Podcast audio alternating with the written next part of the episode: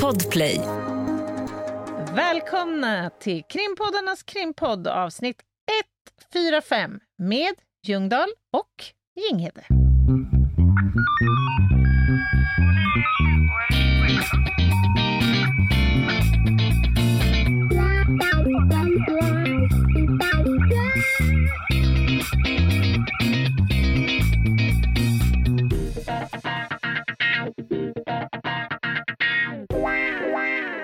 Och den heter Över min döda kropp.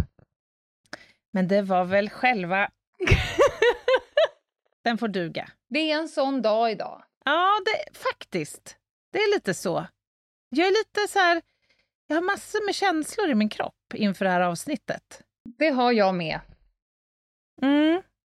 Jag är lite nervös. Ja, men jag också. Det här är ju kanske ett av våra liksom, topp fem svåraste ämnen som vi har Mm. avhandlat. Gud, podden. Ja.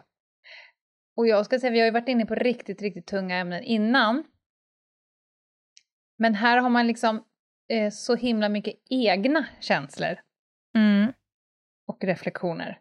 Ska vi berätta vad vi ska prata om? Ja, vi ska ju ge oss på ämnet som har varit lite på allas läppar sista dagarna av olika anledningar, men eh, poliser som dör i tjänst. Mm.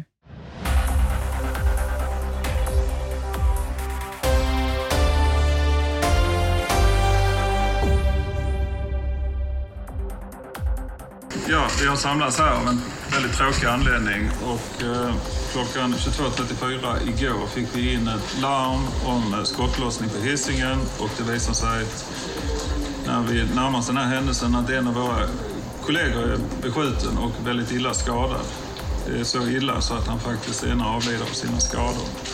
Och det är naturligtvis en otroligt eh, tragisk händelse som, som eh, slår väldigt hårt mot, mot, eh, mot polisen.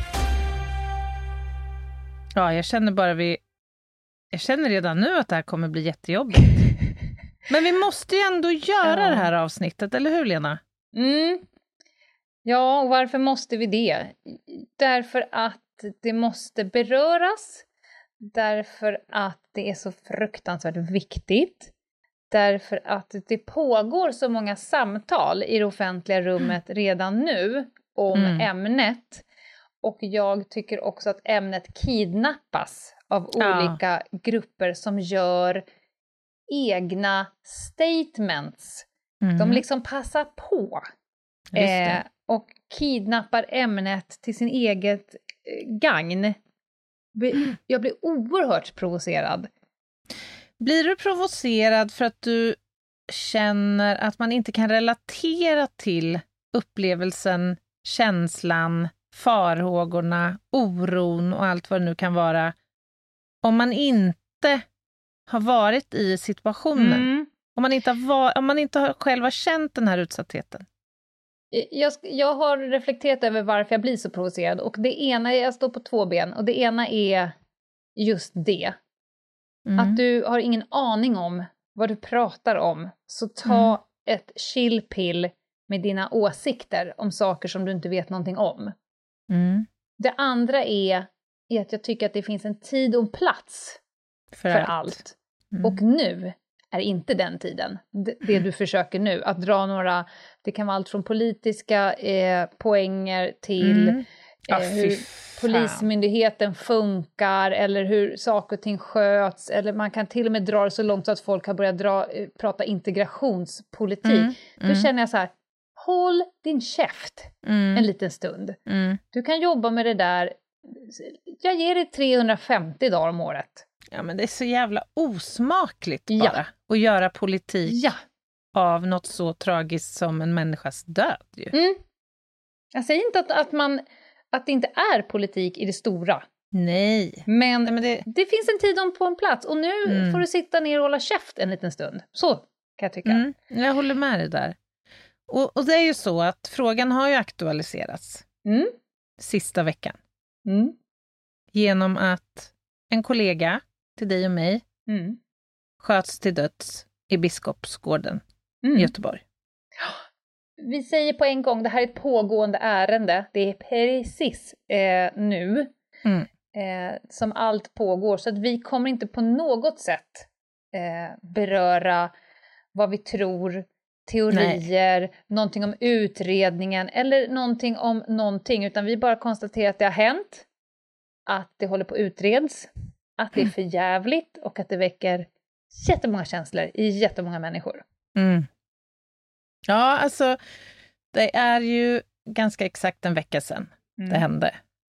Och jag hörde om detta på väg till jobbet. Jag kände mig, jag var inte liksom tagen så att jag kände mig liksom i obalans eller så, utan det kändes fint liksom att komma till jobbet. Mm. Men sen var det det där, den tysta minuten.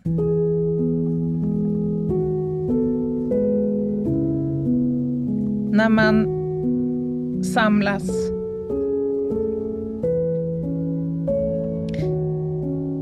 kollegor i blått. Alltså det tunga huvuden i backen. En flagga på halvstång. Man blir påmind då. Mm.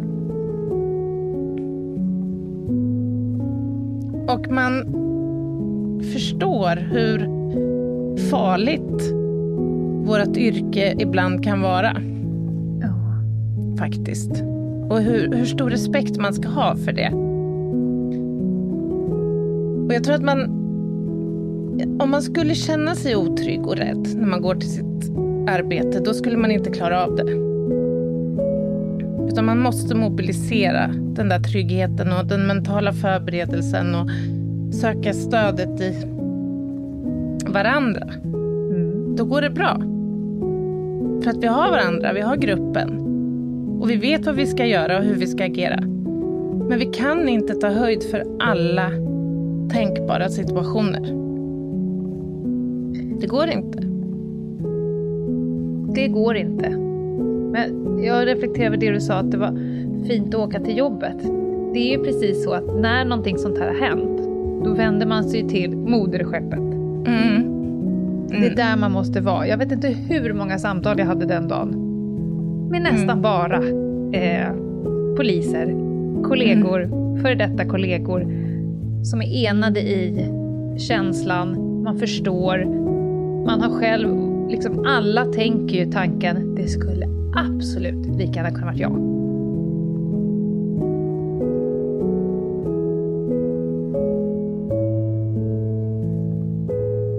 Men det är också något extremt fint i en sån stund. Det är en sån väldigt märklig känsla i kroppen därför att det är så oerhört sorgligt och så oerhört tragiskt och alla tänker precis det du just sa. Det kunde ha varit jag.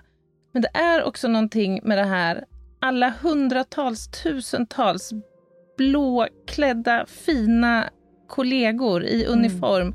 som står där rakryggade om mm. en otroligt tyngd av det som har hänt. Men som alla är helt överens om att vi ger inte upp det här. Vi kommer att ge oss ut där Nej. igen.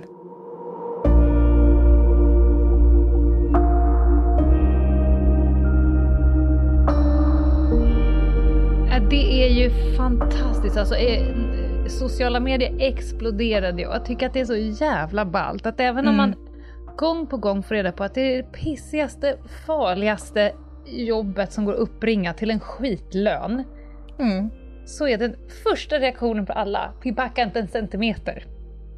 Och så finns det en det är typ, som... Folk ställer sig i givakt. Jag mm. åker till jobbet nu, jag ska jobba mm. ännu hårdare.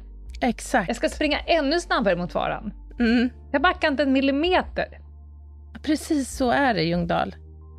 Men så blir det också, när man står där, det är bara det är en minut. Men det hinner liksom passera så enormt många tankar som ska processas. Mm. Och en är ju det vi sällan pratar om, nämligen de som finns runt omkring. Ja. Familjerna. Ja men gud, för om alla poliser, för detta poliser tänker det kunde lika gärna varit jag, så tänker nog lika många anhöriga, det kunde lika gärna varit min. Mm. Och jag, jag måste erkänna att jag har så sällan satt mig in i den känslan. Jag vet, när jag jobbade på ordningen, då tyckte min dåvarande sambo, numera man, att det var, det var ingen höjdare för honom. Han tyckte Nej. det var stundtals väldigt jobbigt. Och jag vet att idag tycker han att det känns bättre även om han inte är helt tillfreds med att jag åker iväg kanske tre på natten Nej. till ett ställe där det har varit skottlossning och man kanske inte har gripit Mm. någon än. Alltså det är en potentiellt farlig plats. Hur hanterar man det? Mm. Oron, hur skulle man själv hantera det? Alltså det är samma sak där. Alla de här anhöriga lär sig ju att hitta sätt att hantera det. Det måste man ju. För det finns en stolthet även hos dem tror jag. Såklart. Det är ju inte en slump att det är väldigt mycket poliser som parar ihop sig med poliser. Nej, det är nog inte det. För att eh, det är... Det är nog bra med en mix, men jag tror att det är så starkt det här att vi förstår något som ingen annan förstår. Eh, Mm. Den är så enande Mm. på något sätt. Mm. Och det, det känns ibland som att man lever lite nästan ett dubbelliv. Mm. Det här kommer låta kanske jättekonstigt, men det känns som att jag har en familj hemma bestående av två killar, en stor och en liten och sen en person som heter Lena Ljungdahl. och sen har jag liksom en familj på min arbetsplats. Ja. Förstår du? Det, visst är det, men det är märkligt ändå. Det, det är något gud. konstigt med det, nästan. Ja, ja ut, utomstående tycker nog det. Men, men Ja. alltså, det finns ju poliser, eller det finns ju liksom personer inom polisen som känner mig så mycket mer Mm. än, än Än din- personer ja. som har fladdrat runt i ens privatliv. Mm. Bara för att du måste lägga precis allt på bordet. Mm. Alla dina styrkor, alla dina svagheter. De kommer se ditt fulaste, ditt gladaste, Mm. ditt ballaste, ditt tuffaste, ditt sköraste, ditt ledsnaste. Mm. Det, är bara, det är som ett jävla smorgasbord Mm. av dig. Du har inte chans att filtrera. Men det är ju också som ett jädra salvekvick det där. Alltså jag har ju kollegor som kan se på mig att idag har Anna en dålig dag, Mm. eller i natt har hon sovit dåligt, eller nu behöver Anna en kram, Mm. eller nu behöver hon en macka, eller vad det Mm. kan vara. Men det är också det som gör att man ger sig in i det där igen. Visst. Som ger en liksom energin och lusten och viljan och modet ibland. Mm. Har du varit i en riktigt sån här utsatt situation i tjänsten när du arbetade som polis, Lena?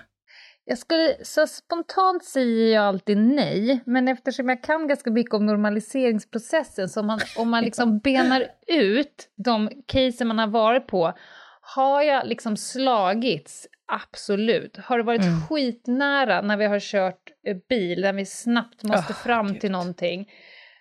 Absolut. Och sådär. Men jag kan Mm. inte... Jag har liksom inte varit skjuten. Alltså man sätter det på en sån konstig nivå. Ja, I så har det varit nära? Ja, men det är såklart, det har varit nära för alla poliser.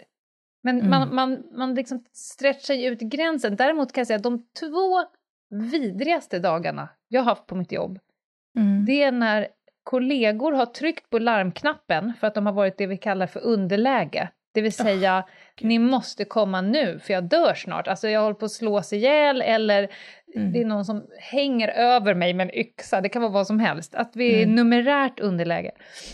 Åh. Att höra larmsamtalet och höra sina eh, familjemedlemmar skrika.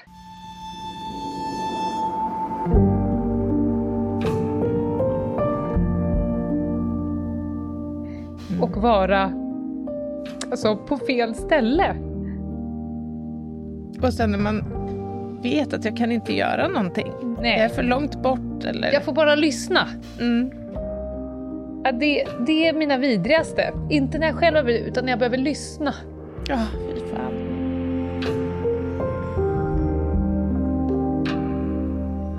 Lena, hur ska vi ta oss igenom det här? Jag vet inte, det har kommit tre punkter. Jag är helt förstörd. Ja. Nej, men vi, vi jobbar på. Och förlåt alla ni andra, men det här blir som en debriefing också. ja, verkligen. Verkligen. Men jag kan, jag kan få kliva över från sorg till ilska en liten stund. Gärna. Det ligger mig varmt om handen. Nej, men alltså, det här med tunna blå linjen. Mm. Eh, thin Blue Line, det här är ju liksom någonting som startade, det är liksom Storbritannien och USA framför allt. Mm. Det är extremt utbrett nu också över Europa och man liksom stöttar utsatta kollegor och så. Eh, Mm. Och- och det är ju, om jag ska förklara, det finns ju en svensk polisserie, Den tunna blå linjen, den heter ju inte det av en slump. Nej, Så nej. man beskyddar medborgarna mot kriminella element. Men alltså det här är väl den främsta symbolen Ja. liksom, för den Ja. tunna, fina skiljelinjen Mm. mellan polis och brottslighet.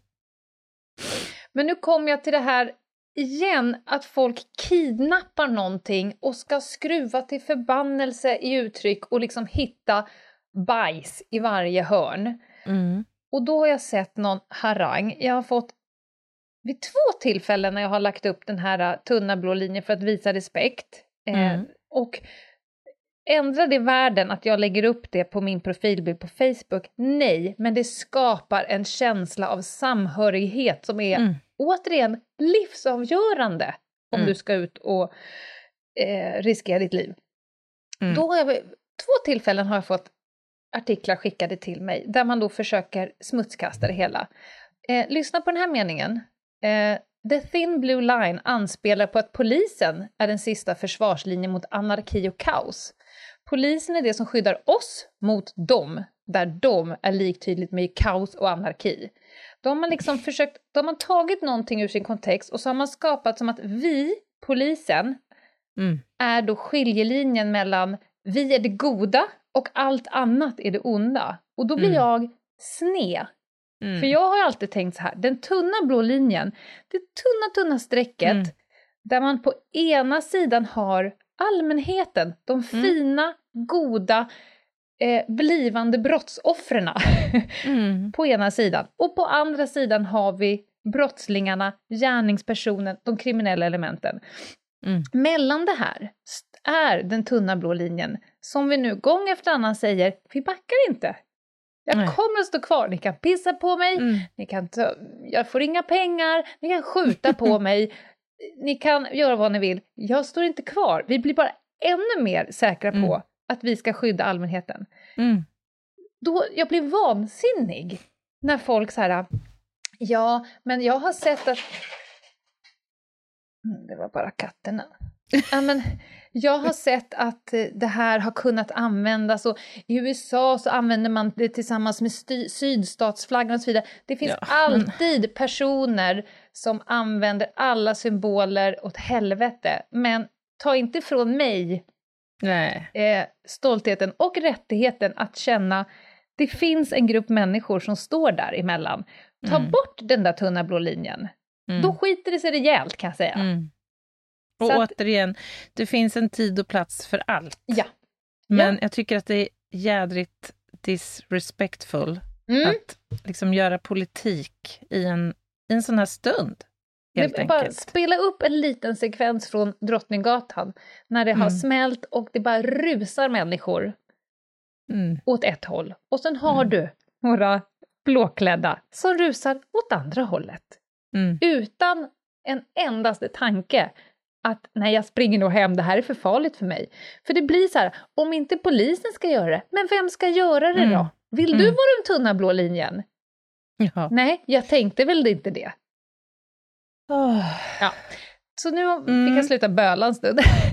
och Ja. när det kommer skönt. till det polisiära, det lojala, alltid när det händer något sånt här, då startas det insamlingar. Alltså, trots eh, att kanske inte polisen har den absolut fetaste lönen, men det finns till exempel det här Rapid Reactions Servo Mm, per Morbo fan- som både du och jag är med på Fantastiskt. Facebook. Ja. Om någon- Fantastiskt.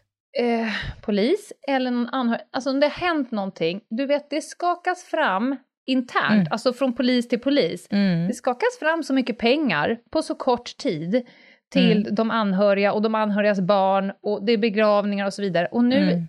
till eh, Andreas Mm. som blev mördad nu. Alltså det, Mm. det rullar ju runt insamlingar nu. Alla har ju startat en egen insamling. Och jag tycker att det är så fint är och fint. signifikant. Mm, verkligen. Det, det kommer naturligtvis inte liksom förändra faktumet att Andreas inte Nej. finns, men det kommer kunna hjälpa hans familj. Ja. Okej, ska vi ta oss an eh, poliser som har dött i tjänst i Sverige. Mm, Hur- Jag tycker vi gör det. Ska vi börja med att lämna över till SVT? Vi gör det.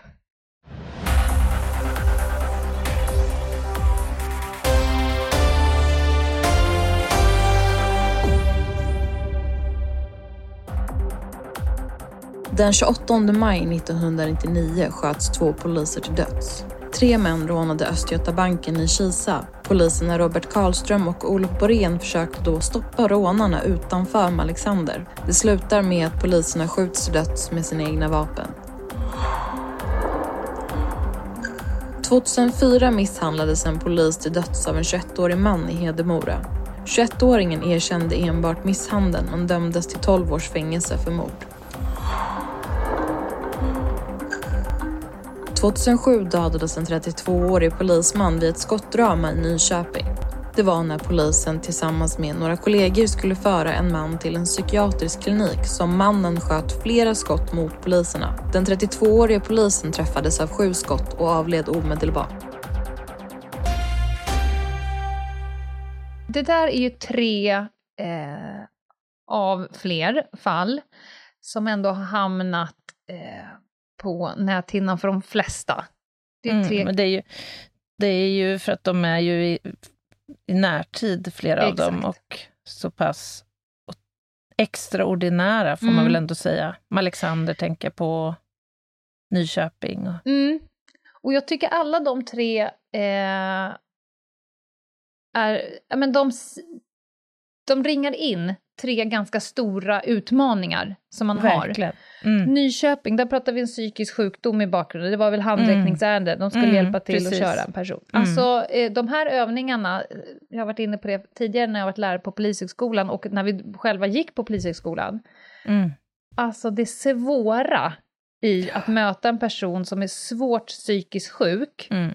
och kan, alltså det är som att de får überkrafter åt alla håll, Mm. även det sjuka. Eh, det är så fruktansvärt Ja. farligt. Det kan vara farligt, det kan vara tyst, det kan vara lugnt, det kan vara Mm. liksom, men, men det är så oberäkneligt. Jag skulle precis säga det. Alltså det är omöjligt att träna sig för varje tänkbart Mm. scenario. Och det ska man också tänka på när man föreställer sig vad poliser faktiskt utsätts för. Alltså, Mm. Det är klart att vi tränar, det är klart att vi har någon form av grund att luta oss mot Mm. när det gäller både självförsvar eller självskydd och taktiskt förhållningssätt.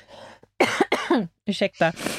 Eh, och så. Men det är ju individer, det är ju människor vi träffar Mm.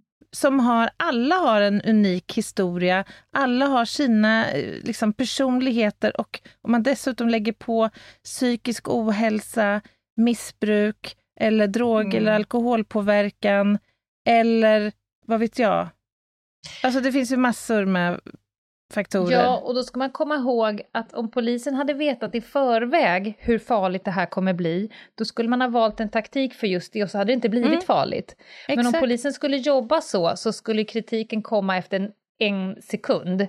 Eh, Mm. för att man går in så himla burdust och hårt och liksom stryper ner. Men det Mm. finns ju bara, alltså antingen ser du till att det absolut inte kan hända Mm. något. Mm. Men jobbar du så, så blir det ju ett jävligt bristfälligt eh, psykosocialt bemötande. Så Mm. man börjar ju mjukt och så försöker man liksom, så att det är alltid motparten som väljer nivå och så försöker polisen hoppa efter. Jaha, Mm. är det det här våldsnivån? Och då måste jag hoppa upp dit så att jag själv inte åker på stryk. Och så håller man på, det blir nästan som en tango. Mm. Eh, och gör då de här, eh, eh, som i det här fallet en psykiskt sjuk man, om han gör världens jävla delfinhopp från icke Mm. våldsam till dödligt Mm, våldsam. mm. Ja, det var ju, då, då dog en polis. Ja, och jag, jag tror att om du skulle fråga tio poliser vad, vad som är viktigast vid ett ingripande, vilken, vilken ingrediens gör dig mest säker och trygg vid ett ingripande, så skulle de allra flesta, tror jag, svara kontroll. Mm. Alltså man har kontroll över individen eller individerna, över händerna, över miljön, över allmänheten. Över sig själv, över sin sig kollega. sina egna processer, sin kollega och så vidare. Mm. Det, och och sanningen är ju att det krävs ganska lite egentligen för att rubba kontrollen. Ja. Gud vad bra sagt Anna. Det är, och det är det man försöker uppnå i varje övning och så vidare. Hur kan du skapa situationer så att det blir lättare för dig och svårare, Mm, för den andra? Mm. För att du ska ha kontrollen. Och då kan det se burdust ut, det kan se lite elakt ut, det kan se så här, jag förstår inte den här taktiken, hade det inte bara gått att snacka med honom? Alltså den meningen. Mm. Man bara, Nej. jo, det hade jag kunnat göra, men om personen hade dragit fram och skjutit mig, då hade jag också dött. Mm. Jag kan inte ge personen möjligheten att göra det om det nu är så att personen eventuellt har ett vapen. Jag vet inte det. Jag kommer inte få reda på det förrän vapnet kommer fram. Då är det för sent. Mm. Alltså måste jag se till att personen överhuvudtaget inte kan röra på sina armar. Mm. Bra sagt. Alltså, jag tror att det handlar så himla mycket om eh, förståelse, insikt och kunskap i hur jävla komplext mm. det här fantastiska, underbara pissyrket är. Ja, men återigen, det är ju för att vi jobbar med människor. Ja. Vi är komplexa i vår natur. Och vi pissiga. kommer inte ifrån det, och lite pissiga emellanåt. Ja, men, och sen Ja, som Alexander då, som tyvärr för Ja. evigt hamnade på kartan. Eh, Men det är ju som ett nationellt trauma Mm, med Alexander. gud ja. Och återigen, det hade hänt något eh, allvarligt, det var liksom eh, beväpnade gärningspersoner och då Det är var det, ju alltså... rån Exakt. på, I Kisa? Kisa, va? Mm. Östgöta Enskilda Bank, tror jag. Och då är det då en yrkeskategori som ska åka mot faran och Mm. få stopp på de här personerna som är bevisat beväpnade och våldsbenägna. Och motiverade Ja. Vi att åker dit. undgå polis. Mm, exakt. Mm. Eh, så att det är samma sak där. Mm. Det är den tunna blå linjen. Verkligen. Vem ska annars? Ska de bara få åka där? Ska, de, eh, ska ingen ta dem? Mm. Men det är... Ja, ja. Och Och jag, så... alltså, vi ska inte fördjupa oss i Alexander, för det är Nej. så fruktansvärt så jag kan inte ens Nej. föreställa mig vidrigheten. Men jag tror att de flesta kan relatera till det och det som de här tre polismännen utsattes för den dagen. Mm. Alltså det är ju, Avrättning. alltså, ja, avgrundsdjup Ja, utsatthet. Avrättning, Och sen- så och skulle sen man kunna har säga. vi det här i Hedemora som var då eh, en polis som misshandlades till döds. Mm. Eh, och det här försöker man ju förbereda sig på genom att typ träna, hålla Mm. sin fysik, man Mm. övar greppteknik, man övar självförsvar, man håller på med mental förberedelse, man pratar taktik med sina kollegor, om Mm, du tar det mm. och jag tar det. Man har liksom eh, rimlig utrustning på sig, det får inte vara för mycket för då blir det tilt i hjärnan, det får Mm, inte vara för mm. lite för då har du Nej. inte med dig det du vill ha. Eh, det får inte vara för många saker för då eh, vet du inte vad du ska ta. Du ska också ha konstant split vision. Eh, och sen ska du också veta, om, som jag har tjatat om i den här jävla podden, att våra hjärnor är 40 000 år Mm. gamla. Mm. Och vi har ett kampflyktläge, eh, alla Mm. poliser. Eh, Och jag att, tror, ja. När det gäller Hedemora, om jag inte missminner mig, så var ju den här kollegan, det här skedde ju på väg från ett, ett pass, Mm. ett arbetspass. Och det är också så att vi tränar ju i polisiära miljöer, i patruller, alltså vi har ju liksom drillövningar Mm. och allt det här. Eh, och jag tror att det här, så fort man kliver in liksom på morgonen, du sätter på dig din uniform, du beväpnar dig, då kickar du igång ett Mm. mode. Liksom. Du, då talar du om för hjärnan och för kroppen att nu är jag beredd på att slåss om det skulle krävas.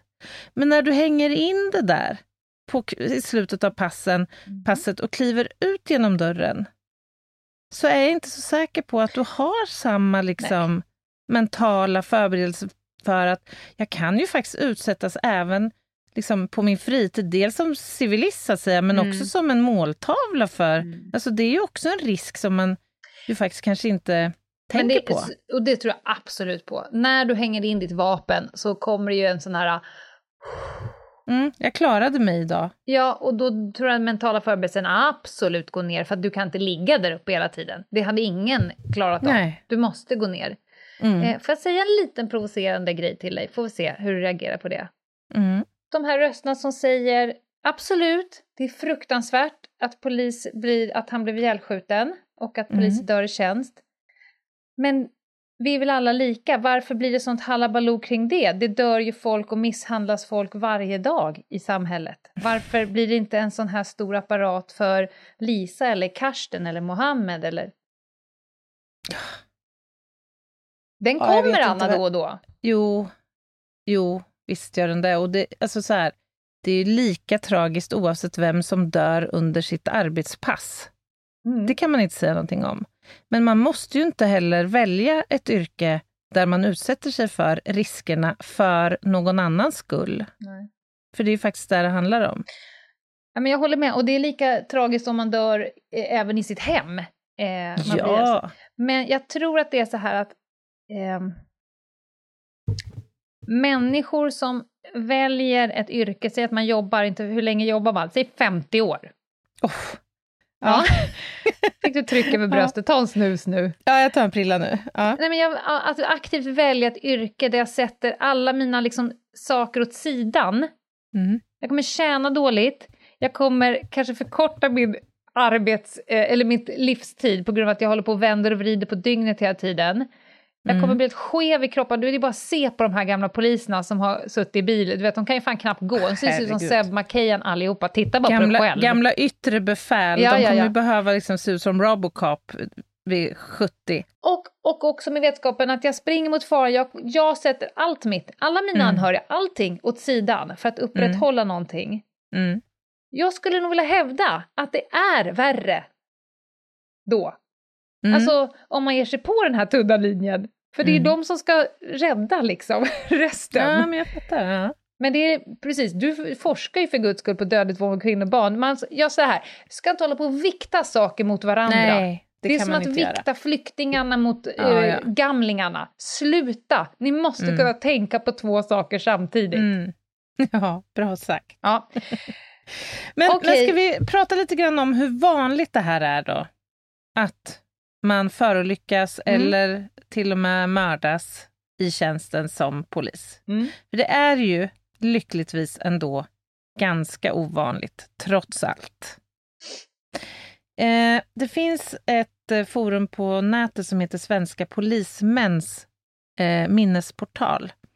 Jag var inne och uppdaterade mig lite på hur siffrorna ser ut där. Och det är alltså 101 poliser mellan 1900 och 2021 som har förolyckats eller mördats av Mm. i våld eller olyckor eller någonting annat. Och vad tror du är vanligaste då? Vilken är den största liksom, risken, det största hotet för en polisman i tjänst? Ja, jag kan sätta alla mina pengar på att det är trafikrelaterat. Ja, Mm. visst är det det. 57 av de här 101 har dött till följd av, eller i trafiken. Mm. Och det är kanske inte så svårt att förstå. Det är inte bara i biltrafik, ska sägas. Det är faktiskt några som har dött eh, vid flyghaverier och sådär. Men ändå. Och sen har vi då våldet, som Mm. är den näst största liksom, kategorin här. 33 människor. Mm. Skjutvåldet har orsakat 25 av dessa. Och sen har du trubbigt våld, alltså det här misshandelsvåldet med sparkar och slag och vad det nu kan vara. Och fyra kollegor som har dött till följd av knivvåld, skärande våld. Mm. Och nu pratar du bara om de som de facto har dött. Mm. Mm. Exakt, bra Det poäng Lena. Rätt många fler som har råkat ut för trubbigt våld och knivvåld. Verkligen. Vi kommer Men ju till som det på grund strax. av, och jag vill bara säga så här, varför det inte blir fler, varför det är 101, det som är, ligger bakom är ju taktiken, träningen, övningen, utrustningen, den mentala förberedelsen som håller Mm. ner siffrorna. Det är inte att folk är så jävla goa. Verkligen inte. Nej. Verkligen inte. Det som är ändå positivt i sammanhanget är ju att när det handlar om liksom dödsfall till följd av kriminellt våld så är uppklaringsprocenten väldigt, väldigt hög. Vi har ett, så vitt jag vet, ouppklarat polismord i Sverige Ja. från se- 60-talet. ja, usch, jag blir så tyngd av, av det här. Ja, Eh, usch. Jag kan säga Deppigt. så här, till skillnad från när jag själv gick på skolan, och kanske när du gick på skolan, du gick efter mig, eh, Mm. så har man nu infört, för när jag kom tillbaka och var lärare på skolan 2013, Mm. då hade man rätt tuffa mentorssamtal. Eh, Mhm, jag hade ju hand om eh, termin ett, det var liksom min mentorsklass. Och då Ja, fick du, jag- får jag bara fråga, du var alltså mentor för Ja. en hel klass? Ja. Mm, exakt, det var min Ah, vad mentorsklass. Och då med den Ja. klassen så skulle jag göra såna här samtal. Och då fanns Mhm. det då givna, jag vet inte om det fanns givna men jag gjorde egna, men att då var man små grupper. Säg att det Mhm. var sex, åtta studenter då i varje grupp. Och sen så sa idag ska vi prata om, och då hade jag alltid bakat bullar och tände alltid ljus. Och så satte Mm. vi oss i de här sura grupprummen. Och de kommer in där och liksom, de ser ut som typ Bambi, de vet inte liksom hur man har på sig en uniform och det är alltid bak och fram och ut och in och skavigt Mm. och så vidare. Men de tränar och de pluggar och håller på. Men sen så slänger man upp ämnen såsom, Mm. är du rädd? Bör du vara rädd? Alltså, eh, det är ett jävligt tufft yrke. Du Mm. kommer bli synad, prövad, spottad på, sparkad på. Mm. Du kommer göra livet surt för eh, ganska många. Mm. Du kommer också få eh, liksom en shitload av kärlek. Mm. Men eh, nu är ni här. Det är inte en mänsklig rättighet att få bli polis. Det är, alltså syn, det- det är psykologsamtal och det är tufft och så vidare. Men, men det är många som säger, "Eh, jag kommer inte... Alltså det är inte en mänsklig rättighet att bli Nej. polis, för det är så jävla tufft så att du måste på något sätt sålla. Men jag tycker det här är så himla bra, det jag Mm. hör, det här med mentorsamtalen. Ja. För att det är en, det är en sak liksom att klara testerna och tro sig veta att man vill bli polis. Eh, och man kanske egentligen inte reflekterar, man kanske inte ens har verktygen att reflektera över vad det innebär. Jag hade inte fullt ut an, en bra koll på vad, det, Ja, vad ju polisyrket innebar. Så det är väl jättebra, det är ju Ja. trots allt ett antal poliser varje år som inte klarar av yrket, alltså psykosocialt. För att det är för tungt eller för svårt eller för belastande eller för utmattande eller vad det Mm. nu kan vara. Jag menar, vi har som kriminaltekniker så exponeras man ju för ganska mycket otäcka saker. Så vi har haft i omgångar handledning. Och då har man ju så här, handen på hjärtat ibland känt så här, men varför ska vi ha det? Mm. Vi är ju så vana att hantera det här och det är väl, vadå? Ni liksom? normaliserade. Det, vi, vi är ju det, per Mm. definition, normaliserade. Men jag tror det är förbaskat bra. Det är en möjlighet att fånga upp och alltså få en individ att själv reflektera över hur jag mår. Är, är det här rätt grej för Ja. mig? Och det ska man göra liksom både inför och under. Och Mm. liksom ha en uthållighet i det här. För att diskutera sådana saker som, är du rädd? Behöver du vara rädd? Vad är det för skillnad på att vara pissrädd för någonting och bara ha en djup och innerlig respekt inför Mm. någonting? Mm. Vad ska du göra om du blir rädd? Och hur kommer det Mm. funka då? Alltså vad är Mm. dina strategier? Och sen nästa samtal var det, hur ser du på makt? Hur Mm. ser du på den här Mhm. enorma makten du har fått?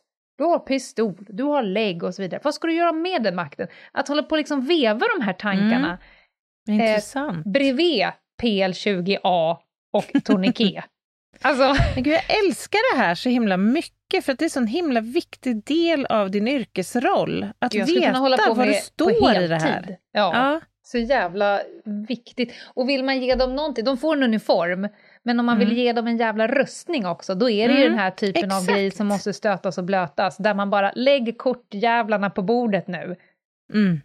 Visst, Verkligen. jag ser att du har stora biceps, Mm. men har du rustningen också? Mm. Det är två helt olika det är saker. två helt olika saker.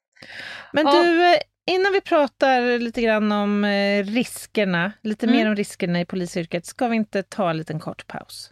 Gärna. Hämta lite eh, sån här Kleenex kanske. Ja, vi gör så. Ett poddtips från Podplay. I podden Något Kaiko garanterar östgötarna Brutti och jag, Davva, dig en stor dos skratt. Där följer jag pladask för köttätandet igen. Man är lite som en jävla vampyr. Man har fått lite blodsmak och då måste man ha mer. Udda spaningar, fängslande anekdoter och en och annan arg rant. Jag måste ha mitt kaffe på morgonen för annars är jag ingen trevlig människa. Då är du ingen trevlig människa, punkt. Något Kaiko, hör du på Podplay. Därför är gardinerna. Välkomna tillbaka kära lyssnare. Ni lyssnar på avsnitt 145 145 av krimpodden Över min döda kropp. Och idag så pratar vi om den tunna blå linjen. Om våra kollegor, poliser som har dött i tjänst. Mm. Ska vi prata, vi var inne lite grann på det här med riskerna. Vi, vi pratade det här med trafiken till exempel. Var, varför är det så farligt att köra polisbil? Och det finns ju så många svar på det. Dels för att det är liksom eh, höga hastigheter och, och det är per definition farligt att för, färdas i hög hastighet. Mm. Men jag tror också att det är en stor fara eftersom jag har såna enorma... Det är också ett mentorsamtal. Vad har du för förväntningar? Alltså mm. kommer ett larm där någon hänger på utsidan av ett broräcke och mm. har liksom uttalat något suicidala tankar. Mm. Jag menar den där jävla plattan åker ju mattan för att alla poliser tänker Not on my fucking shift! Precis. Och sen utsätter man sig själv och sin kollega mm. och alla andra jävlar i trafiken för fara om man inte har den mentala rustningen att det är inte värt det. Mm. Men jag måste ändå fram. Så att jag mm. tror att det är svar på varför det blir så fel, man säger ofta den mänskliga faktorn, men det är för att man har så enorma förväntningar. Jag har mm. förväntningar på mig själv, jag har enorma förväntningar på min kollega, Mm. Samhället har en förväntning, men gör något då, rädda mm. då, det är ni som ska göra det. Och när man kokar ner allt det här och så mm. drar du på stresshjärnan också, då tas det dåliga mm. beslut i mm. trafiken och det får inte tas dåliga beslut i trafiken. Vi var inne på det när vi pratade om ambulansen för några mm. avsnitt sedan. Eh, den här altruistiska egenskapen hos många eh, liksom ambulanssjukvårdare. Alltså det här att man utsätter sig själv, man är villig att utsätta sig själv för enorma risker för att rädda eller hjälpa någon annan. Ja, och det gäller, ju, det gäller ju naturligtvis poliser också. Och det är ju inte bara ens egna stressorer och beslut vi ska förlita oss till. Det är ju faktiskt också allmänheten, så när det gäller trafiken så är ju det inte minst en faktor, alltså hur andra trafikanter agerar när man kommer med ja. blåljus och siren och påkallar Och de kan agera väg. skitbra, men de kan också mm. bli fullständigt dumma i huvudet. Naturligtvis. Typ börja backa, spruta vindrutetorkarna, börja fara mm. runt, tuta. Och man bara, mm. men stå bara still så jag mm. kan läsa din nästa move. Men det är ju så att vi, vi kör ju i höga hastigheter, i alla fall de som jobbar utryckning, men det är också mm. det att vi kör ju många mil. Jag menar, jag vi kriminalteknikerna jobbar ju en hel region. Mm. Vi kan ju väckas mitt i natten och behöva åka upp till, vad vet jag, Idre fjäll. Mm, eller, Gud, ja. så, här, så det är långa sträckor, det är vilt vi har att ta hänsyn till, det är dåligt väglag, det är ibland vägar som inte ens bör definieras som vägar utan kanske snarare som stigar. Liksom. Vart det prick, prickigt på, på en orienteringskarta? ja, Nej, men Jag har ju pratat förut om spaningskörningen. Alltså man mm. kör bil i tio timmar kan man säga, mm. per mm. arbetspass. Du kan åka tur och tur till Malmö bara. Du får dunka av den resan fort. Ja. Gärna i 200 km i timmen, utan blåljus, ensam. Mm. Ännu värre ja. ju.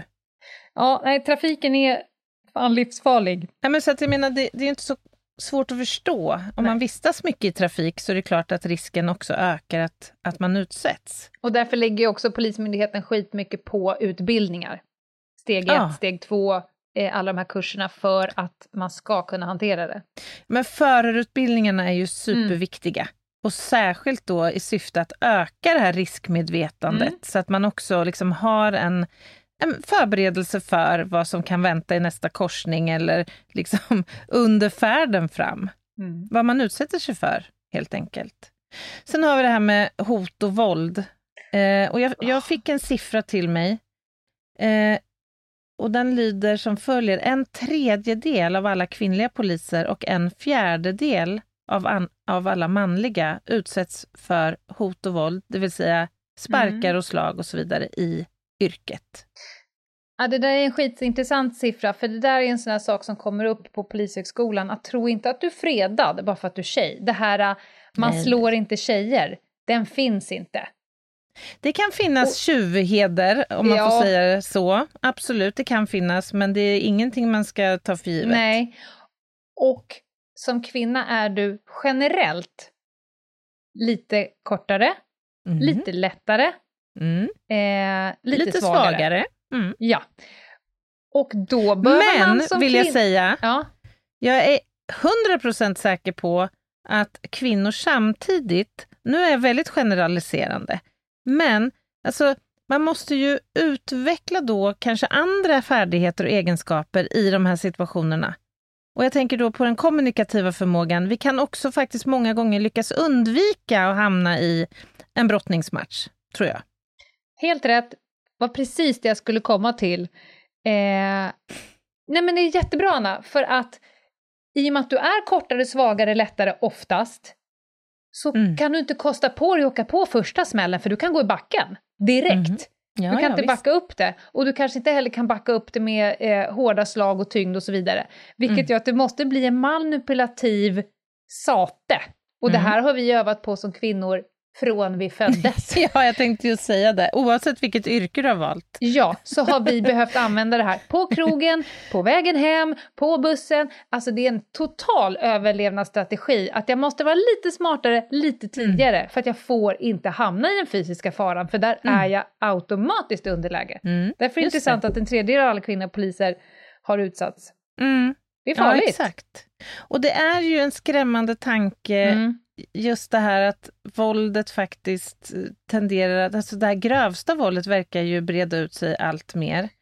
Och vi pratar om utsatta områden och allt det här, där också skjutvapenanvändningen ökar och tillgången till vapen har skjutit i höjden. Man kan ju fundera på om det innebär en förhöjd risk för det grövre våldet mot polis.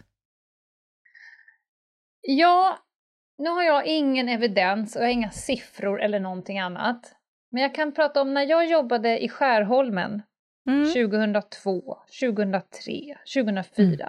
Det fanns gängvåld även på den tiden. Mm. mm. Men, skulle jag säga, min känsla är att då var gängvåldet i parkeringsgarage mitt i mm. natten. Mm. Och det sköts mycket i ben. Mm, just det. Mm. Min upplevelse nu är att fler har vapen, det skjuts på öppna gator och torg när som mm, helst mm. och i vilka sammanhang som helst, det vill säga mm. poliser och allmänheten är targets mm. ofrivilligt eller eh, direkta måltavlor. Mm. Det vet vi inte. Men Sen... det är svårt att kunna undvika ställen. Då måste du undvika alla mm. ställen. Och det kan du absolut inte som polis, för du måste ju vara på de ställen som är som mest farliga. Det är där du ska vara.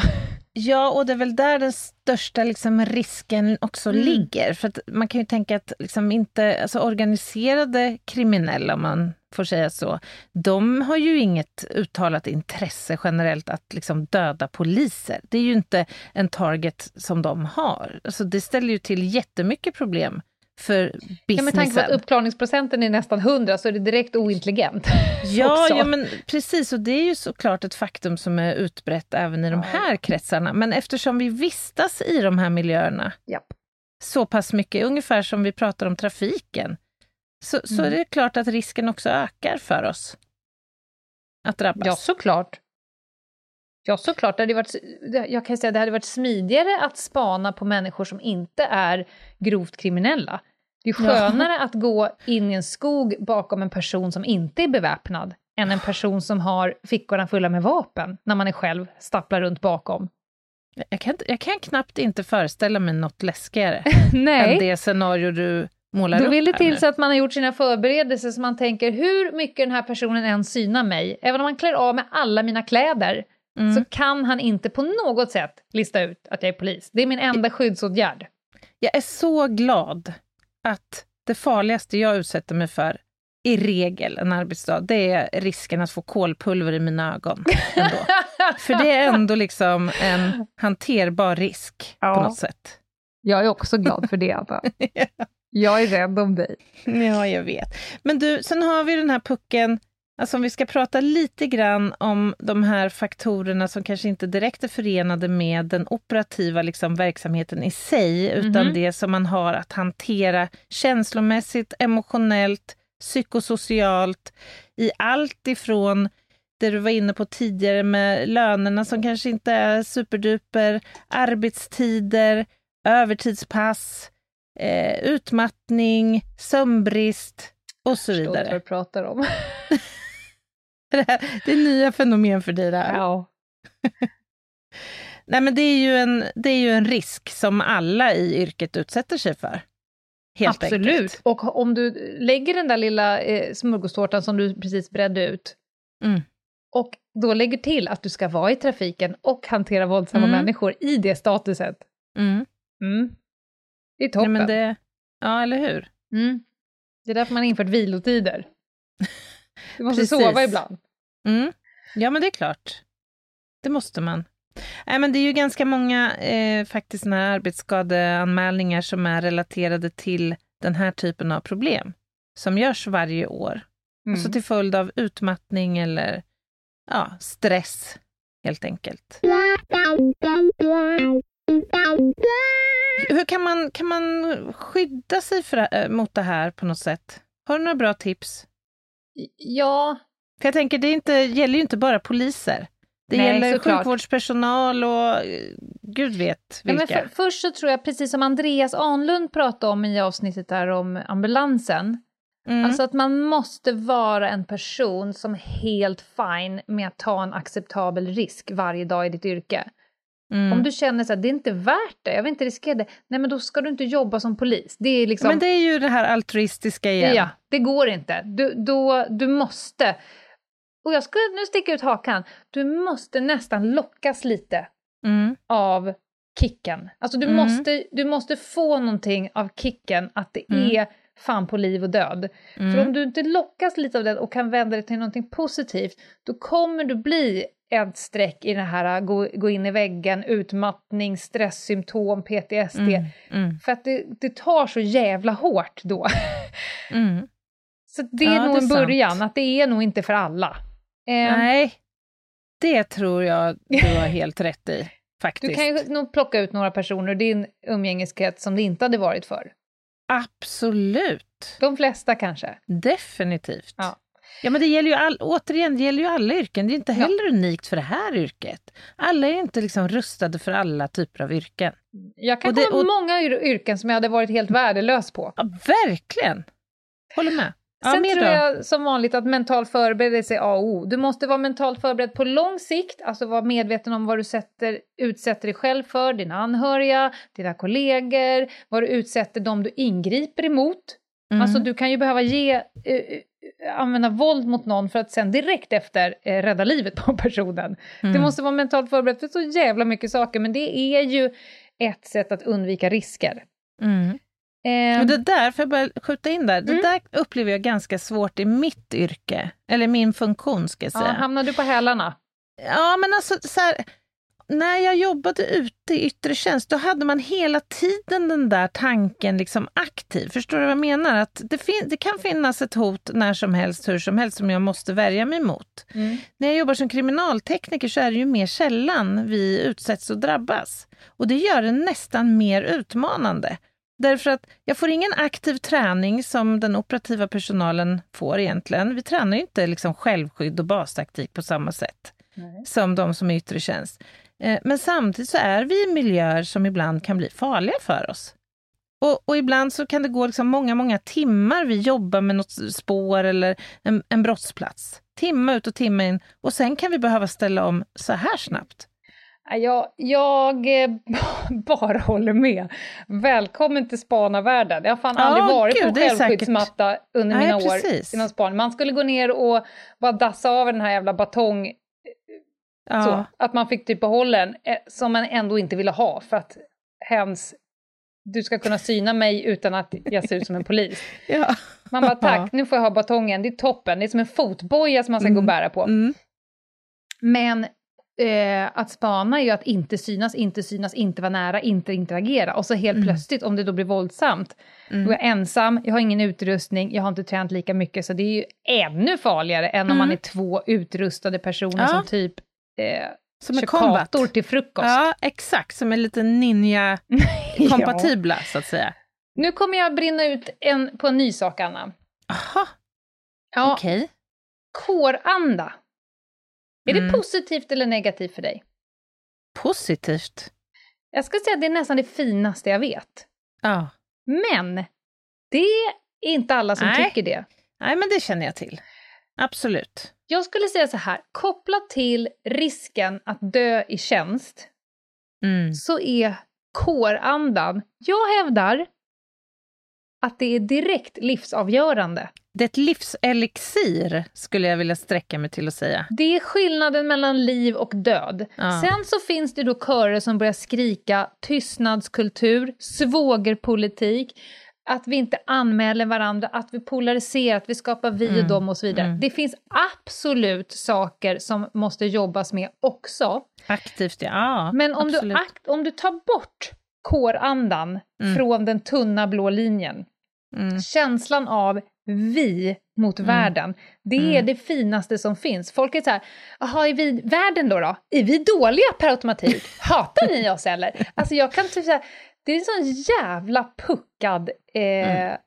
Ja, sätt att se på det här. Så att jag skulle säga, insup kårandan, var i den, gå på, eh, liksom, träna tillsammans. För att när ni kliver ur bilen och ska springa Mm. in i det här trapphuset, Mm. så är fucking kårandan det enda ni har. Jag dör för dig, du dör för mig, och, och vi, det är vi mot världen. Den, jag skulle vilja hävda att den är lika viktig som din Sig Sauer, för att Ja. uttrycka mig frankt. Ja. Men är den unik för poliskåren? Har, har brandkåren en kåranda? Jag, jag tror absolut att alla yrken har någon form av vi. Alltså det finns ju fan teambuilding på varenda företag. Varför har företag teambuilding? Jo, för att det är viktigt att kitta ihop oss. För att det kanske inte finns kåranda? exakt. Nej, ja, men exakt. Nej, men jag tror att alla företag, alla sammanhang gynnas av en känsla av vi, att vara ihopkittad. För då har vi ett gemensamt ansvar för uppgiften. Eh, ett, ett gemensamt, liksom, polis och sådär, att man har en gemensam plikt och ansvarskänsla. Mm. Eh, det är den som gör att om jag går fram och tänker nu kommer det göra ont, jag går fram, då vet jag att inte polaren går bak. Exakt. För att det passar mig bättre, för jag tycker inte som hon. Jag skiter i vad du tycker, vi ska upprätthålla demokratin här. Mm. Fram med dig! Mm. Eh, så att jag blir vansinnig när folk pissar på kårandan. Sen är jag den första att säga att det finns liksom dåliga strukturer i det, men klagga inte ihop den med kårandan. Att det Nej. finns en tystnadskultur, att det liksom... Eh, det här med att inte anmäla, det har inte med kårandan att göra, det är helt andra Ja. destruktiva saker som flyter som måste bort. Absolut. Håller Men ta inte bort livsavgörande grejerna för att då skulle varje liten person i blå uniform känna sig ensam. Mm. Nej, då blir det inte mycket verkstad. Nej, då kommer den här blå inte. linjen vara som en tunn, tunn, tunn, tunn, tunn Mm. sytråd. Mm. Verkligen. Och det gynnas ingen av. Och därför tycker jag att det är roligt att alla polisserier, eh, allt från Spanarna på Hill Street till Tunna blå linjen, när de har utsättningar som man kallar ett sånt här möte i början på ett arbetspass, Mm. eh, brukar avslutas med en sån här klatschigt “Be careful out there”. Ja, det Om man bara fint ju. smaka på det, varför Mm. man säger det, för man vet Mm. att när ni lämnar här, då går ni ut Mm. i vida världen. Och jag vill jättegärna att så många av er kommer tillbaka igen med lemmar kvar på så- kroppen. Ja, och jag kan dra paralleller återigen till min vardag. Om jag och en patrullkollega åker ut på ett jobb och så är vi borta, så här, kollegorna som är kvar på station och avrapporterar den där dagen eller står i labbet, de märker att timmarna går här, de kommer Mm. inte tillbaka. Då kan man vara helt säker på att någon av dem som är kvar inne kommer att ringa upp mig innan de går hem för att kolla, är ni okej? När kommer ni komma hem, tror ni? Behöver ni hjälp med någonting? Kan vi göra någonting här inne? Den där lilla grejen, Mm. som kan kanske verka betydelselös eller fånig eller sådär, Mm. den är så oerhört mycket värd. Jag skulle säga den enskilt största saken som alla poliser som är för detta poliser, antingen i en period eller för evigt. Mm. Den saken man saknar, saknar, Mm. förutom, för min del är det jag saknar spaningen, men det är ju eh, den. Mm. Jag förstår. Känslan av att vara en del av den tunna blå linjen, en del av någonting större, kårandan. Mm. Se bara positivt med just den känslan. Mm. Det betyder inte att de andra är Nej. sämre eller mindre Nej, nej. värda eller vad, vad stod det? Kaos och anarki. Men skärp er bara. Ja, Ja. men faktiskt. Det här avsnittet gjorde vi, kan vi säga att vi ägnade det för att hedra Andreas? Absolut. det, som sagt, det finns massa insamlingar för Andreas skull. Vi kommer inte peka åt något håll. Om man vill så kan man Mm. bara googla insamling eh, Andreas, så kommer man hitta ett, en sj- uppsjö av olika sätt att Mm. bidra med. Mm. Nu kommer jag göra någonting som jag vet vi båda hade lite svårt för. Mhm. Hur man avrundar ett sånt här... Äh, Egentligen så är det ju dags för en veckans lista med Anna, och vi sa båda två så här. Eh, blir Mm. inte det... Blir, hur blir det? Ska vi liksom komma med en rolig lista? Men nu kommer jag ju kom på att vi hade ju det i slutet på riktigt tunga när vi har pratat om dödligt våld mot barn och så vidare. Det Det kanske är just det vi behöver. Jag behöver Egentligen. framförallt en Resorb för att jag har bölat ögonen ur mig, mest i tystnad. Ja. ja, ja, det här har varit tungt. Så är det ju. eh, Men vi vi fixar säger bara det. så här att eh, Anna kommer att komma med veckans lista och om ni själva känner att ni vill vara kvar i den känslan som ni har just nu och inte klarar av ett för stort hopp, Mm. då tycker vi att ni kan bara gå in på Instagram, eh, söka upp oss på Ljungdahl och Ginghede på DM och eh, kanske komma med någon reflektion där, eller mejla oss på ljungdahlochginghede.gmail.com. Och sen och bara kan- fejda ut. Sen fejdar ni ut. Ni andra som känner så här, fan hur ska jag ta mig härifrån? Stanna kvar så kanske Anna tar oss med på en resa. Annas jätte, jätteviktiga lista. Tack Lena. Jag ska göra mitt bästa idag. Ja. Och jag tror vi kommer klara det, faktiskt. För jag kommer nu ta dig så långt ifrån det här oerhört svåra och tunga ämnet som jag bara kan. Låt oss prata om uppfinningar. Ja, låt oss. låt oss. Kanske... Jag kände så här, du kan ta mig vart du vill, jag är helt slut. Ja. Mm. Nej, men kanske har du liksom jag funderat över uh, olika typer av uppfinningar genom åren. Jag tänker då på äggkokaren till exempel. Jag tänker på bananfodralet. Nu vet ju jag att du tycker att bananen är en jädrigt dålig uppfinning i sig. Det är Men- satans påfund. Ja, det, precis. Men bananfodralet, vem fan bär omkring på en banan i ett fodral? Och varför? Duschmössan, minns du den här Ja, som du ja, ja, ja. sannolikt hade i mellanstadiet? Som en robotgrej med bara ett fönster för ansiktet. Just det. Ja, ja, Det är ju ändå en syn för gudarna idag när man bli- blickar tillbaka till den tiden, är det inte det? Eller bara urbota dumt. Ja, något av dem. Ja. Eh, men, men det är den här typen av eh, uppfinningar och inventioner, eller vad vi ska kalla dem, som jag skulle vilja uppehålla oss kring. Mm. Jag börjar med plats nummer sex. Pet rocks. Är det ett bekant begrepp? Mm, Nej. Det här det är lite på samma tema som, minns du Tamagotchin?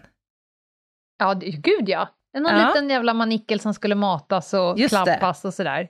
Det är alltså en liten elektronisk pryl. En, Som ett ska- husdjur Ja, ja, precis. med Ett, batteri. ett husdjur med batteri. Mm. Eh, men nu så ska vi istället snacka om en av 70-talets mest populära prylar, jag antar bland barn. Det stod sannolikt på var barns önskelista julen 1975. Det handlar alltså om en uppfinning av Gary Dahl, som kort och gott är en sten. som, mar- som alltså då marknadsförs som ett husdjur. Och jag har sett själva förpackningen här. Den här stenen, den levereras då i en kartong med andningshål. Så stenen verkligen ska få luft och må bra där inne. Alltså inte stenen, djuret naturligtvis. Enligt uppgift så Men- såldes en miljon, jag repeterar, en miljon Petrocks under slutet av 1975 och början på 76. Nej, men vad gjorde den här stenen? Jo, alltså du fick ju då med en 32 sidor lång manual som Ja. hette The Care and Training of Your Pet Rock. Som alltså gav dig då tips och tricks hur du skulle ta hand om din, din Pet Rock, helt enkelt. Men vad kan jag göra med den? Absolut ingenting. Det är alltså en sten. En slät sten. Det kan inte göra någonting. Vilket jävla geni, vad hette han? Harry Dahl? eh, Gary Dahlia. Ja, han blev ju, vilket jävla geni! Vilken han blev ju avans han skulle miljonär ha! på köpet. Va? Kan det vara något för vår nästa merch? Vi, skit, vi säljer en tygpåse, lanserar och marknadsför den som ett djur, som en leksak bara. Åh gud! Ja. Eh, Plats nummer fem. Nu skulle jag vilja prata lite grann om dåtidens krockskydd. Eh, Alltså det här som man hade att förlita sig till före airbagens entré. Knoppskyddet. Vi snackar nu alltså om en uppfinning som handlar om, det är alltså en hård liten boll, storleken av en golfboll ungefär, som då skulle placeras på handskfackets lilla knopp. För där fanns det nämligen en liten knopp där inne där man hade skivspelaren för bilen, så att säga. Mhm. Mm.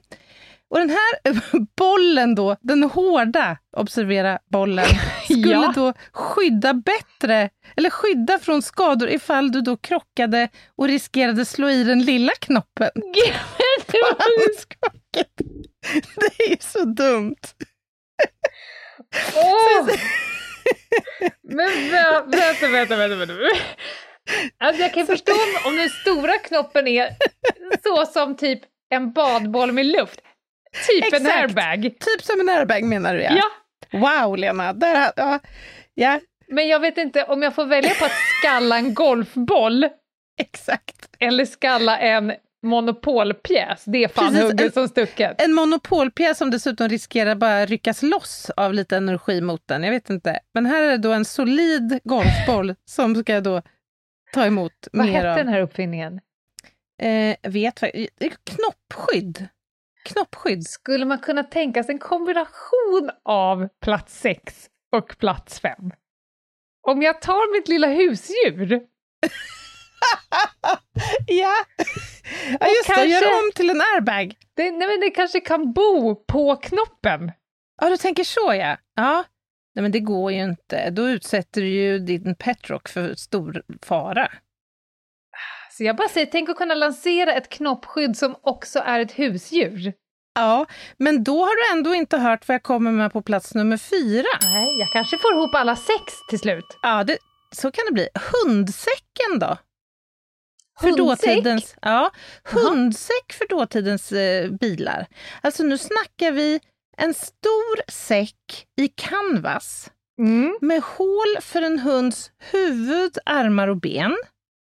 Som du alltså hängde utanpå bilen.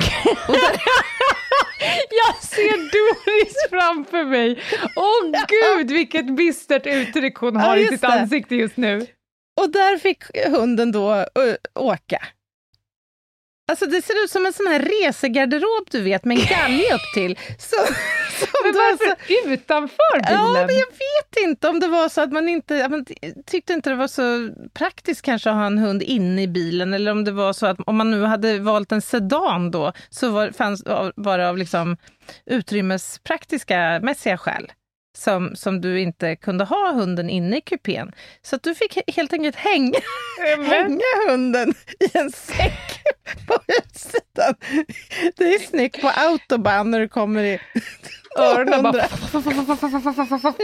Nej! Åh, gud. Ja, men det, är ändå en, det är ändå en uppfinning, så att säga. Hundsäck. Äh, Plats nummer tre. Mm. Låt mig introducera till en, dig till en pryl för vår munhåla. Nej, En inte in happy- där, Anna. Jo, nu ska jag in där nu, en liten snabbis bara. En Happy Smile Trainer. Vi snackar nu här som en silikonpryl som du helt enkelt för in i din munhåla. Den, den här ska, an, den ska användas en Jag gång om dagen. Vänta, Ja. vänta, jag hör inte vad du säger. Vänta. Ja. Den ska användas för bästa effekt en gång om dagen, men du behöver bara tugga på den i fem minuter för att citat “create the perfect smile”.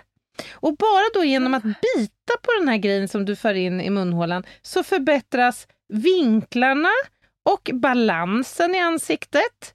Kinderna blir stärkta och så även tandköttet och dina tänder. Och, och det är Men- väldigt praktiskt det här för att du får också med dig en exercise book som antagligen då ska hjälpa dig till liksom ditt perfekta smile, så att du får dina övningar som du kan göra varje dag. Men kan du beskriva, för att jag trodde, först trodde det var en sån här som lyser så man får vita tänder av, Nej, men det här nej, är mer nej. liksom det här är dynamiskt. som det här är som en, den ser ut som en... Som en buttplug för munnen, om vi bara Ja, ska... Så kan man säga, fast Ja. den är ellipsformad. Alltså den Aha. är s- s- formad som en käke, liksom. Okej. Som du på något sätt ska då placera i munnen och sen då jobba med, dina, med det du har, så att säga. Med Men- vinklarna här då, musklerna och allt. Och så Men- när du är nöjd så kan du bara... Om jag, nu sitter jag och övningsler här, men i min värld så Aha. handlar ett leende ganska mycket om liksom musklerna Just det. väldigt lite Buccinator. inne i munhålan. Ja.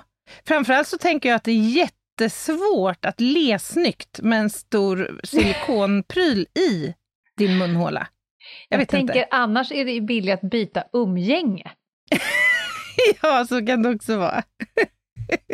Okej. Åh, men du, plats nummer två då. Mm. Det blir en del på djurtemat idag märker jag, för att Mm. nu ska vi prata om fenomenet träning. Träning är oerhört viktigt och det är ständigt ett återkommande fora för märkliga uppfinningar. Vem minns inte de här lanseringarna som skedde på TV-shop, i TV-shop på 90-talet till exempel? Mm. Men nu Lena, nu har man tagit det här ett steg längre. Nu finns det alltså riktigt bra kit där ute med träningsgrejer för eh, akvariefiskar. För de har ju generellt för små triceps. Precis. Jag vet inte om det finns någon liten studie bakom det här att akvariefiskarna generellt är liksom i dålig fysisk vigör. Men alltså jag har hittat Men- ett kit med träningsgrejer. Och tro mig, det här innehåller allt du kan tänkas behöva för din akvariefisk. Fotbollsplan, hinderbana och basketkorg. Och här får du också med dig en, för, en 45 minuter lång instruktionsvideo Med Cindy Crawford. Nej, med den erkände och världsberömde fisktränaren Dr. Dean Pomerlö. Ja, det är det- såklart att han heter det. Ja, Dr. Dean Pomerlö. Men är det inte bara... Är det inte, nu tänker jag kanske ett steg längre. Ja, varsågod. Varför inte bara strömsätta vattnet så att det är liksom i akvariet, så att det är strömt? Ja. Eller varför inte bara skaffa ett annat husdjur som du kan liksom träna med på ett mer vet du kan inte, spela fotboll med? kvalitativt sätt. Ja. Eller kasta bollar till, eller vad vet jag. Men det är oerhört Skulle man kunna tänka sig detta. en fisksäck och hänga den på utsidan? Ja, just det. Och så får du kämpa, kämpa om du ska ner i Ja. vattnet igen. Du måste simma, simma, simma. simma. Ja, du kan, du kan inte bara få något gratis, du får visa då att du vill. Ja! Ja. Nej, men det här är så fascinerande. Kanske att vi ska lägga ut, för jag har hittat en liten film på liksom hur det här går till praktiskt. När då Jag en kommer att googla guldfisk... på hundsäck. Ja, det tycker jag absolut du ska göra. Oj, låt mig ta dig till eh, plats nummer ett då. Mm. Rear Gear Butt Covers ska vi prata om nu. Ja. Du som är hundägare, Lena, är det något som du känner igen? Känner du Rear, igen då pratar vi bakåt. Gear, prylar. Och sen är det Ja. bakåt igen, butt. Ja, Covers. Just det. det är något som ska så att säga täcka över brun, brunögat. för att tala klarspråk. Ja. Alltså vi snackar här rumplappar för djur. Det här är alltså ett skydd Ja. som, som täcker av det ställe på hundarna som man kanske inte vill gosa med i soffan. Alltså man kanske vill slippa fartränderna i, i, i soffan, vad vet jag. Men- Men den här lappen kan man då, man kan designa den själv om man vill. Det finns företag Oh! som... Ja visst. Så man du kan, kan, få en liten manchesterlapp. ja, du kan få en bild på din mamma på den här lappen eller, eller något annat. Eller så kan man välja, ja för all del så kan man också välja något av de teman som redan finns. Vad sägs om ett smiley face? Kanske en blomma? Du kan välja en cupcake? Det finns också en sheriffbricka som du kan välja. Vad skulle du Oh. välja för motiv? Konstapel Rövhål. Ja, just det. Dr. Mugg. Men Jag vänta, det här tänker- måste ju bli årets julklapp. Att inte Ja. Handels har gått ut med det här som årets julklapp. Alltså det här, är ju, det här har ju något ändå. Men jag är förvånad. Sa du hund? Ja, det är för hund Jag ja. är Och katt oerhört också. förvånad här. En katt med funkar. Ja, Okej, för där är jag inte alls förvånad. För att hundar, de gillar ju kanske att fälla ner. Ja, just det. De är inte så sugna på när man ska dit och göra analsextömning. Nej, nej, nej. Nej. Katter däremot, De... alltså, Då- ursäkta mig, välkommen. men det sättet du Välkommen. vet att en katt älskar dig, det är när du sitter och typ skriver, då tittar Ja, de upp så här, vad har du i din näsa? Där ja, så Ja. riktar de ju upp. Det är deras absolut finaste, när de visar rosen. Då vet de, jag älskar dig. Men du kanske, om du skulle ha en sån där laptop på, på dina katter där bak? Eh, Jag, jag tvekar inte. Jag bara funderar på vad jag ska, vad jag ska ska designa för motiv. något. Jag, tycker, jag tänker ju medicinskt här. Alltså blir det inte, tror du inte blir väldigt tätt där bak? Tänker svamp och sånt.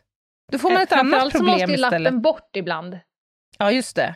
Men ja, absolut. Och det är viktigt att få bort den då innan man liksom går ut på promenaden om man säger så. Jag kan, jag kan eh, avsluta med att beskriva en liten scen för dig som är kanske mitt ovärdigaste den senaste tiden. Okej. Jag åkte till Meta över midsommar med min, med min hund. Min Ja. hund hade löpt klart, trodde jag. Men hon just luktade det. tydligen fortfarande mumma. Mm. Och så insåg vi att hennes hundar kommer ju jucka ihjäl sig. Alltså höftlederna kommer ju gå ur led. Och jag vill inte ha några valpar som är mixade av Doris och Rondär. Det hade Nej. blivit jättekaos. Ja. Och då tänkte Meta, som är uppfinnar-Jocke nummer ett, vad fan ska vi göra? Ska vi klä något, ska vi bara snurpa ihop läppstiftet på han? Eller ska vi sätta Mm. något på Doris? Kommer fram till, men vi kör på Doris, hon är lite medgörlig. Spontant känns ju det också enklare på något sätt, Ja, exakt. tycker jag. Att Mm. här skola ingen komma in. Nej, Så nej att Meta precis. gick upp och sen så slaktade hon ett av sina lite mera franska tygstycken. Det var lite ra-ra-ra. ja, just det. Ja. Vad taskigt ändå på något sätt. Så hon knöt upp och sen så gick hon runt och liksom jassade lite, Doris. Det var som att hon Ja. visste att hon var lite raffig. Hon frestades. Sen drog hon från tomten och jag ser, när hon har ett visst löpsteg så ser jag att nu ska det till att klubbas. Ah, Och hon mm. springer iväg, jag tänker det får ske, vi är ju mitt ute på landet. Hon springer Men nu har tros, småbyxor Ja. på sig. Ja, så att när hon är halvvägs bort på vägen så kommer jag på, nej för fan, och det är ju spets, jag tänkte det kommer komma som en sil. Det kommer liksom strömma ut ur, det kommer komma ett rosformat ut ur det här. Så att jag Ah. springer i flip-flops bort på vägen och liksom kupar mig över henne och ska försöka hinna få bort. Ah. Ja, Det var, det var det kanske mitt ovärdigaste på länge. Han Men eh, Undrar ju alla som lyssnar på det här. vadå? Han du få undan? Man kan Spetsen. säga att det som kom ut hade liksom formaterats lite mer som en boll innan den ramlade åt sidan. Så ovärdigt! För alla, jag ska säga så här, för alla inblandade. Jag och Doris kunde inte titta på varandra den närmsta kvarten. Vi, bara, vi, titt, vi undvek varandras Ja. blickar och tänkte det där var det. för Det intimt. här... Åh, hjälp. Åh. Ja. Ja, men du kanske ska ha en sån här rear gear Ja. buttplug. Eller butt... Vad heter Ja. det? Ja, Tänk att vi kom dit, även det här avsnittet. Men Ja. nu, vi hoppas att de som eh, ville stanna kvar i känslan och inte klarade av det stora hoppet faktiskt lämnade oss. Mm. Och för er andra, tack och förlåt. Vi var Mm. tvungna faktiskt, och, och, för att det har varit så tungt så länge. Eh, så att det var så det blev. Det känns skönt. Det känns fint. Och livet något sätt. fortsätter, det är ju Mm. tyvärr så. Det gör det. Absolut. Livet fortsätter, man får vara glad, man får vara ledsen, man får vara arg och så får man börja om igen. Man är allt. Alla Mm. människor är allt hela tiden. Ja, det Mm. var bra sagt. Bra sista ord, Lena. Tack, be careful out there och så hörs vi på... På lördag i liven Mm, Just det. och sen på måndag i spaningen. Mm. Mm. Puss Ta hand om er där ute. Puss och kram. Hej. Hej.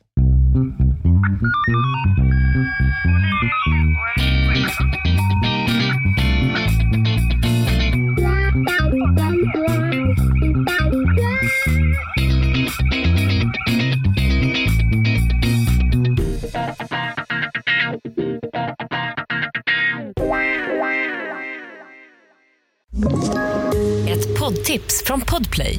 I fallen jag aldrig glömmer djupdyker Hasse Aro i arbetet bakom några av Sveriges mest uppseendeväckande brottsutredningar. Går vi in med hemlig telefonavlyssning och, och då upplever vi att vi får en total förändring av hans beteende. Vad är det som händer nu? Vem är det som läcker? Och så säger han att jag är kriminell, jag har varit kriminell i hela mitt liv men att mörda ett barn, där går min gräns. Nya säsongen av Fallen jag aldrig glömmer på Podplay.